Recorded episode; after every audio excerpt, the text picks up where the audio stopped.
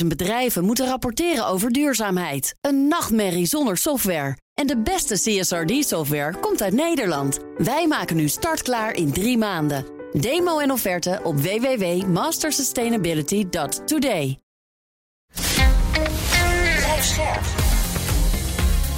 BNR Nieuwsradio. Boekenstein en de Wijk. Hugo Reitsma. Welkom bij Boekenstein en de Wijk. Het is dinsdag, dag 517 van de oorlog in Oekraïne. Bij ons is HCSS defensiespecialist Patrick Bolder. En uh, zaterdag spraken we met Peter Weininga over een alternatieve toekomst voor Rusland. En daar wilden we nog eens verder over doordenken. Uh, Patrick, mag ik met jou beginnen? Ja, ik vond het fascinerend. Ik denk ook dat gesprek van zaterdag, ik denk ook dat je daar nog veel langer over kunt praten. Um, en het belang van scenario denken is natuurlijk heel groot. Hè? Um, als politicus zou je een antwoord moeten hebben op allerlei verschillende dingen die zich kunnen voordoen. Dus dat, ja, en dat is dan scenario-analyse, scenario-denken is daar een van de dingen. Rob de Wijk zegt ook wel eens in de internationale betrekkingen moet je altijd met scenario's denken. En het worst case scenario uh, moet je dan gaan uitwerken. En waarschijnlijk is de realiteit nog erger. Rob is altijd heel erg van het worst case scenario. Ja. Ja, maar goed, um, het geeft je wel een voorstelling van wat kan er gebeuren en wat zou ons politieke antwoord moeten zijn. Mm -hmm. En um, volgens mij eindigden jullie zaterdag met, uh, met als er een nieuwe regeringsleiding in Moskou zou zijn, en na Poetin, zou dat iemand zijn die waarschijnlijk niet per se vriendelijker is richting het Westen. Misschien zelfs nog ja. onvriendelijker. Ja. Gisteren hadden we het over Girikin en, en, en verkiezingen die eraan zitten te komen. En mogelijke kandidaten hebben jullie ook al eens een keer besproken.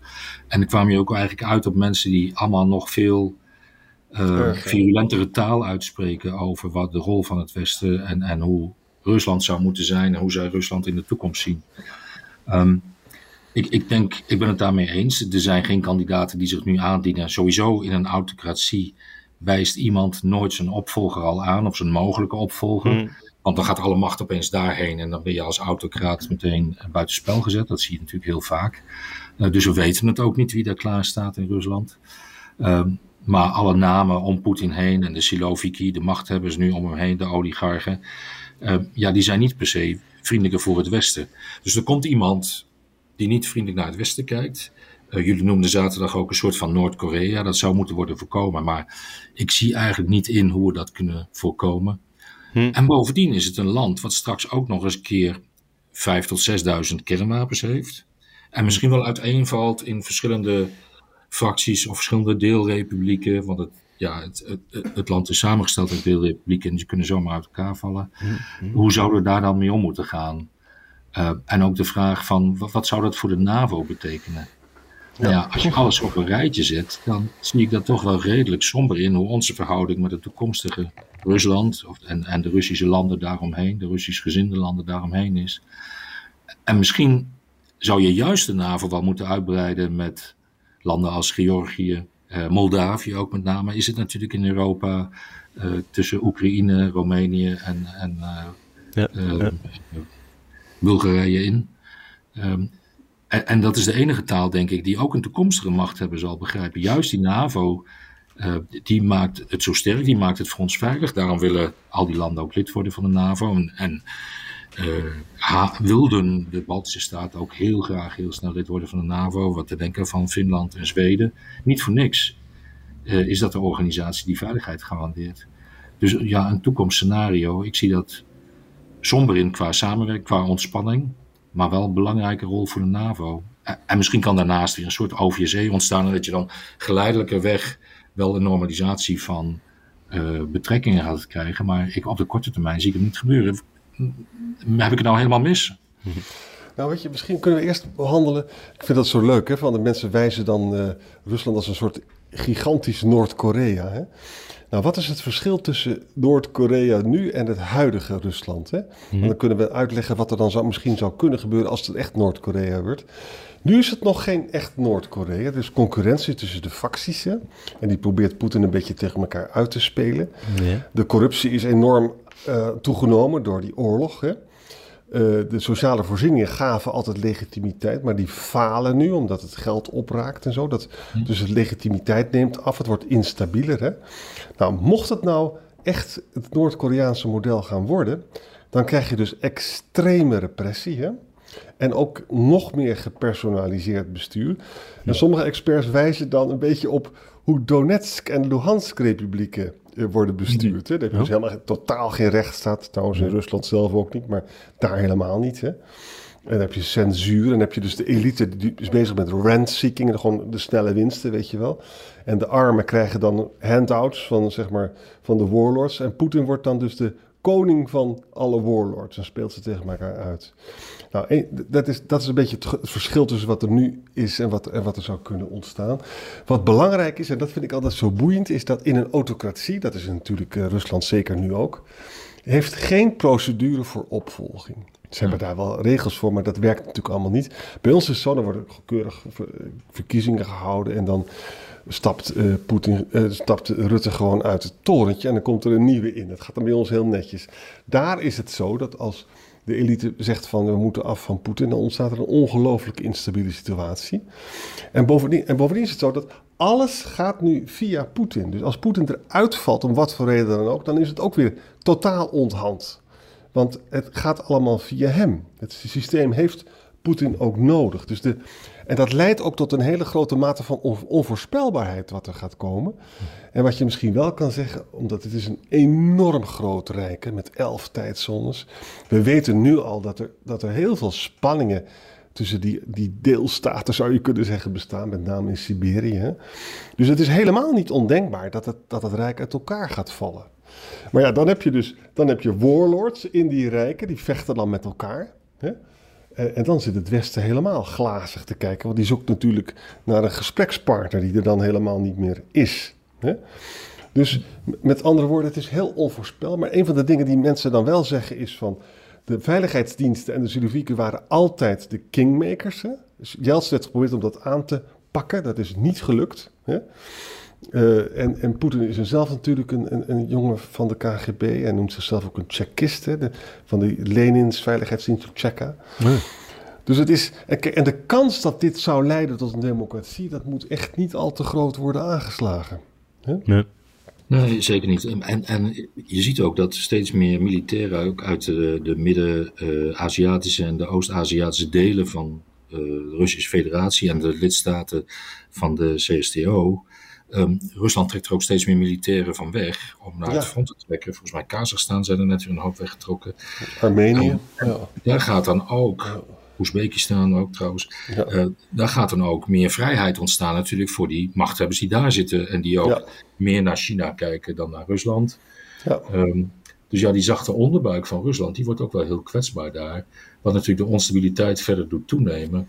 Um, en, en, en, misschien kunnen wij zelfs als Westen dat wel helpen, zo'n beweging, om te zorgen dat die druk op het Kremlin groter wordt en minder oorlogsinspanning richting Oekraïne en Georgië uh, gepleegd hm. kan worden, maar dat ze weer meer daarop moeten letten. Uh, en daar heb je inderdaad wel China bij nodig, waar jullie het zaterdag ook over hadden, om, om dit te kunnen bereiken. Maar het blijft natuurlijk wel heel gevaarlijk wat China gaat zij straks, gaan zij straks Rusland als, als wingewest zien voor de grondstoffen die daar allemaal zijn. Dat lijkt voor de hand te liggen. Hè? Rusland nog een soort van in stand houden als buffer naar Europa toe. Hmm. Uh, maar dan wel op een vriendelijke manier, zodat de handel met Europa weer kan plaatsvinden. Volgens mij zijn dat allemaal wat dingen waar we over na moeten denken. En weet je, China die danst op twee bruiloften tegelijkertijd. Aan de ene kant geven ze dus wat non-lethal militaire hulp aan Rusland. Hè. Dat staat ook weer in de krant vandaag allemaal. aan de andere kant zitten ze ja, in de achtertuin van Rusland. Bijvoorbeeld Oezbekistan. Dat kon je in de VPRO-documentaire eh, van Jelle Brand Korsen zo mooi zien. Hè. Er zit gewoon China massale interventie in Oezbekistan. Uh, en dat is natuurlijk, dat vindt Poetin verschrikkelijk wat daar gebeurt. Echt verschrikkelijk moet hij dat vinden. Maar hij kan het zelf niet meer doen. Hij kan het gewoon niet meer opbrengen. En daar zit dus inderdaad een mogelijkheid, wat je net zei, van ja, dat, dat, dat, dat economisch knabbelt uh, China aan, aan het rijk van, van Poetin. Mm ja? ja? En, en dat betekent weer voor de, grote jongens met de grote mond, dus zeg maar de oorlogsbloggers, ja, die vinden dat afschuwelijk dat het hele empire. De man is Karaganov, hè, die in dat tv-programma ja. voorop mensen, die vindt het echt afschuwelijk wat daar gebeurt. Dat, dat gewoon dat hele rijk, uh, die achtertuin, gewoon niet meer van Rusland is. Kazachstan, noem maar op. Maar dat is diezelfde Karaganov die opriep dat het Westen maar je moest worden geleerd en met kernwapens, wat gods gave was aan Rusland onder andere, ja. uh, dat die maar eens moeten worden ingezet. Nou, dat is natuurlijk wel heel gevaarlijk als dat soort mensen de overhand gaan krijgen, hoe gaan we daarmee om? Ja.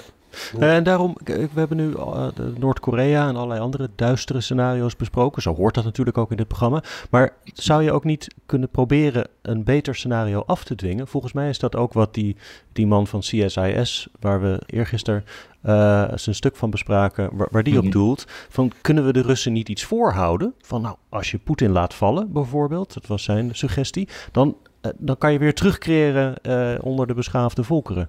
Zou er dus ook niet iets zijn dat, de, dat het Westen de Russen te bieden heeft om te zorgen dat het niet deze kant op gaat?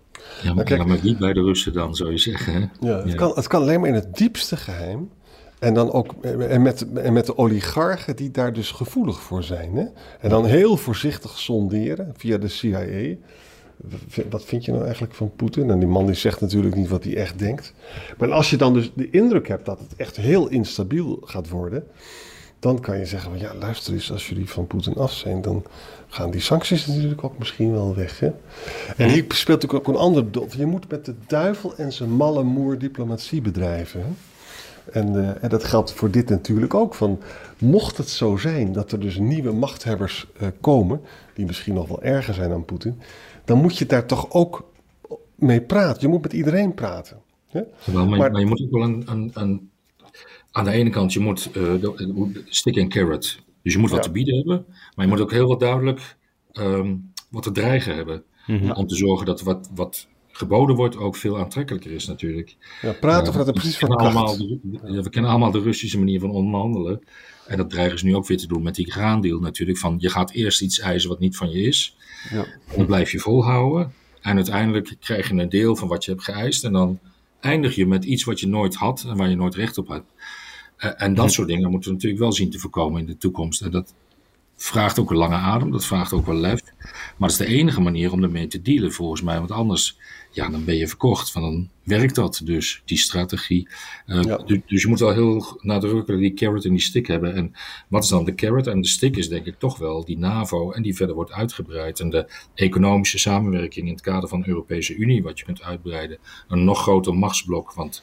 Uh, ook een economisch machtsblok. Want dat is toch wat, wat telt in deze wereld natuurlijk. Uh, de mensen tevreden houden, uh, eten tegen een goede prijs, betaalbaar kunnen wonen, democratische verkiezingen. Um, dat moet je er wel tegenover kunnen stellen. versus wat staat je te wachten als je dat niet doet. de isolatie, de verdere isolatie, is natuurlijk wel lastig, omdat lang niet alle landen van de Verenigde Naties zomaar ehm, ook de sancties hebben gesteund en de oorlog hebben willen veroordelen. Maar ik denk dat er op die schaakborden toch wel moet worden gespeeld tegelijkertijd. Weet je, de fout van 2014, hè? met de Krim, met de groene mannetjes en zo. En toen hebben we dus, heeft Obama ook openlijk gezegd, hè, dat hij, ja, we kunnen daar niks aan doen en ik ga zeker niet interveneren. En dat kan je beter een beetje boven de markt laten zweven. Hè, van, hm. eh, want het, want dat, dat geloof ik echt, met, met mafiosi als Poetin kan je alleen vanuit een positie van kracht ja. uh, praten. Want dit is gewoon echt een mafiosi-regime. Ze pakken alles wat ze krijgen kunnen. Ja. Dat zijn we niet gewend in Europa natuurlijk, vanuit die kracht. En dat is ook het enige wat ze snappen volgens mij. Dus daar moeten we echt wel meer aandacht aan besteden. Ja.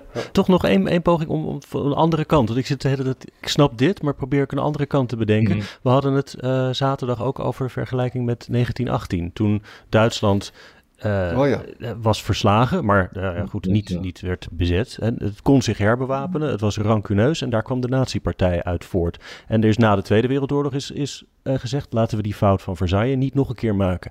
Als je nu dit doet, wat, waar jullie het over hebben met Rusland, maak je dan niet opnieuw de fout van Versailles? Dat Rusland zal niet verslagen zijn, ze blijven daar liggen met hun 6000 kernwapens, zijn boos en bozer. En het Westen heeft ze niets te bieden voor een toekomst in, in de wereld ja, dan gaat het toch, dan leg je toch alweer gewoon de zaadjes voor de volgende oorlog. Nou ja, dat, dat, is wat ik zeg. Wat is de carrot, wat is de wortel die we kunnen voorhouden? En dat is misschien wel die, die economische samenwerking. Uh, om, om ze mee te nemen in de vaart der volkeren. Van, nou, misschien hoef je niet meteen je uh, politiek systeem te hervormen, maar zorg in ieder geval voor dat je aansluit bij de handel, de vrijhandel die wij voorstaan. Uh, je kan je producten beter op de markt. We nemen weer de olie af, als het ware. Eh, zonder volledig afhankelijk te worden. Um, dat moet er natuurlijk wel tegenover staan, inderdaad. En niet alleen maar afstraffen en herstelbetalingen. Uh, ik denk dat ze niet onder herstelbetalingen uitkomen voor wat er allemaal in Oekraïne is gebeurd. Hm. Uh, En ook um, uh, het, het, tribunaal natuurlijk voor de verschrikkelijke schendingen van de, de misdaden van, tegen de mensheid die zijn gepleegd. Dat kan je ook niet voorbij laten gaan zomaar natuurlijk. Maar je moet inderdaad wel ook iets te bieden hebben waardoor het aantrekkelijk wordt om te stoppen met deze waanzinnige oorlog en om weer terug te treden in de, ja, in, in, de, in de normale wereld, zou ik maar zeggen, in de vrije wereld. Um, ja, dat lijkt me heel belangrijk. Ja. Ja, het is, weet je, de situatie in 1918 was een beetje anders. Hè. Ze probeerden dus negen maanden lang, eh, hebben de Amerikanen en de anderen onderhandeld hè, met de Duitse civiele autoriteiten en die generaal Ludendorff in hmm. Hindenburg. Hè. En gezegd van luister eens, we zullen geen herstelbetalingen vragen en geen annexaties en zo. En toen op een gegeven moment zijn ze dus, hebben ze die staakt het vuur en vrede hebben ze gesloten. En later zijn ze natuurlijk belazerd met gigantische herstelbetalingen, omdat de Amerikanen zich terugtrokken en de Fransen waren doodsbang. Hè? Ja. En, de, en, de, Britten wilden dat nog tegenhouden, maar dat lukte, dat lukte ze niet. Hè? Ja, nou, die vernedering leidde uiteindelijk tot de Tweede Wereldoorlog. Ja. Exact, ja. En kijk, nu is het zo van. Uh, eh, als er een machtsevenwicht is in de vorm van een NAVO-lidmaatschap van het niet bezette gedeelte van de Oekraïne en dat vol met wapens zetten, dat behoudt ook vrede, Hugo. Hè? Als, als, als, er gewoon allemaal wapens daar staan, lid van de hm. NAVO, dan is dat een goede afschrikking. Hè? Maar daarnaast moet je dan ook denken, je moet gewoon stiekem zeggen tegen mensen die overwegen om Poetin af te zetten, van nou ja, als, als jullie beloven dat je Oekraïne met rust laat, dan kunnen, dan kunnen we dat diplomatieke en economische isolement misschien uh, gestaag afbouwen. Hè? Maar nooit, uh, dat moet je wel doen uit precies van kracht, denk ik. Het idee, weet je wat, Oekraïne als een neutraal, dat is nu, dat is voorbij, omdat ja. Poetin zo ontzettend misdragen heeft. Hè? En daarom is Kissinger ook gedraaid. Hè? Die zag de verschrikkelijke wandaden uh, van Poetin in, in, de, in de Donbass. Mm -hmm. zei, ja, nu kan het niet meer. Met, met zo'n groep mensen kan je niet meer praten. Hè? Maar goed, het is... Uh, nee, dat is inderdaad het probleem. Ja, ja, in hoeverre vertrouwen we een, een Poetin of een Poetin-achtige... willen we echt afspraken maken. En dat vertrouwen moet ook gewonnen worden natuurlijk. Moet in het Westen worden gewonnen. En daar liggen ook uitdagingen voor Rusland natuurlijk. Maar ja, als daar iets tegenover gezet kan worden van ons vandaan... Uh, dan kan je bij elkaar komen. Maar ja, wat ik al zei, ik zie het de eerste paar jaar nog een beetje somber in hoor. Ja. ook. En als er geen vertrouwen is, dan is er maar één ding en dat is afschrikking. Dat werkt. Dat leidt ertoe dat er geen mensen sterven. Nee, dat, nee daarom zijn wij ook nog steeds niet in oorlog. Uh, we hebben nucleaire afschrikking in het Westen. Uh, Poetin waakt ervoor om grens met uh, Polen of Roemenië. Wel heel gevaarlijk dus, wat er gisteren gebeurd is met die aanval op de Diergaan overslag op de Donau. vlak tegenover Roemenië. maar laten we hopen dat het een soort van vergissing was van de Russische kant. Maar ik zit wel af en toe met samengeknepen billetjes, moet ik zeggen. Ja. Ik ook. Het kan aan alle kanten misgaan, hè? Ja. Van alle kanten misgaan. Nou, op zoek naar een alternatieve toekomst voor Rusland deel 2. Wij komen nog steeds een beetje uit op het Noord-Korea-model, als ik het zo hoor. Ja. Ik vrees het, ja. Ik vrees het. Patrick en Arjan, dank voor vandaag en uh, tot morgen. Tot morgen. Tot morgen. 50.000 bedrijven moeten rapporteren over duurzaamheid. Een nachtmerrie zonder software. En de beste CSRD-software komt uit Nederland. Wij maken nu startklaar in drie maanden. Demo en offerte op www.mastersustainability.today.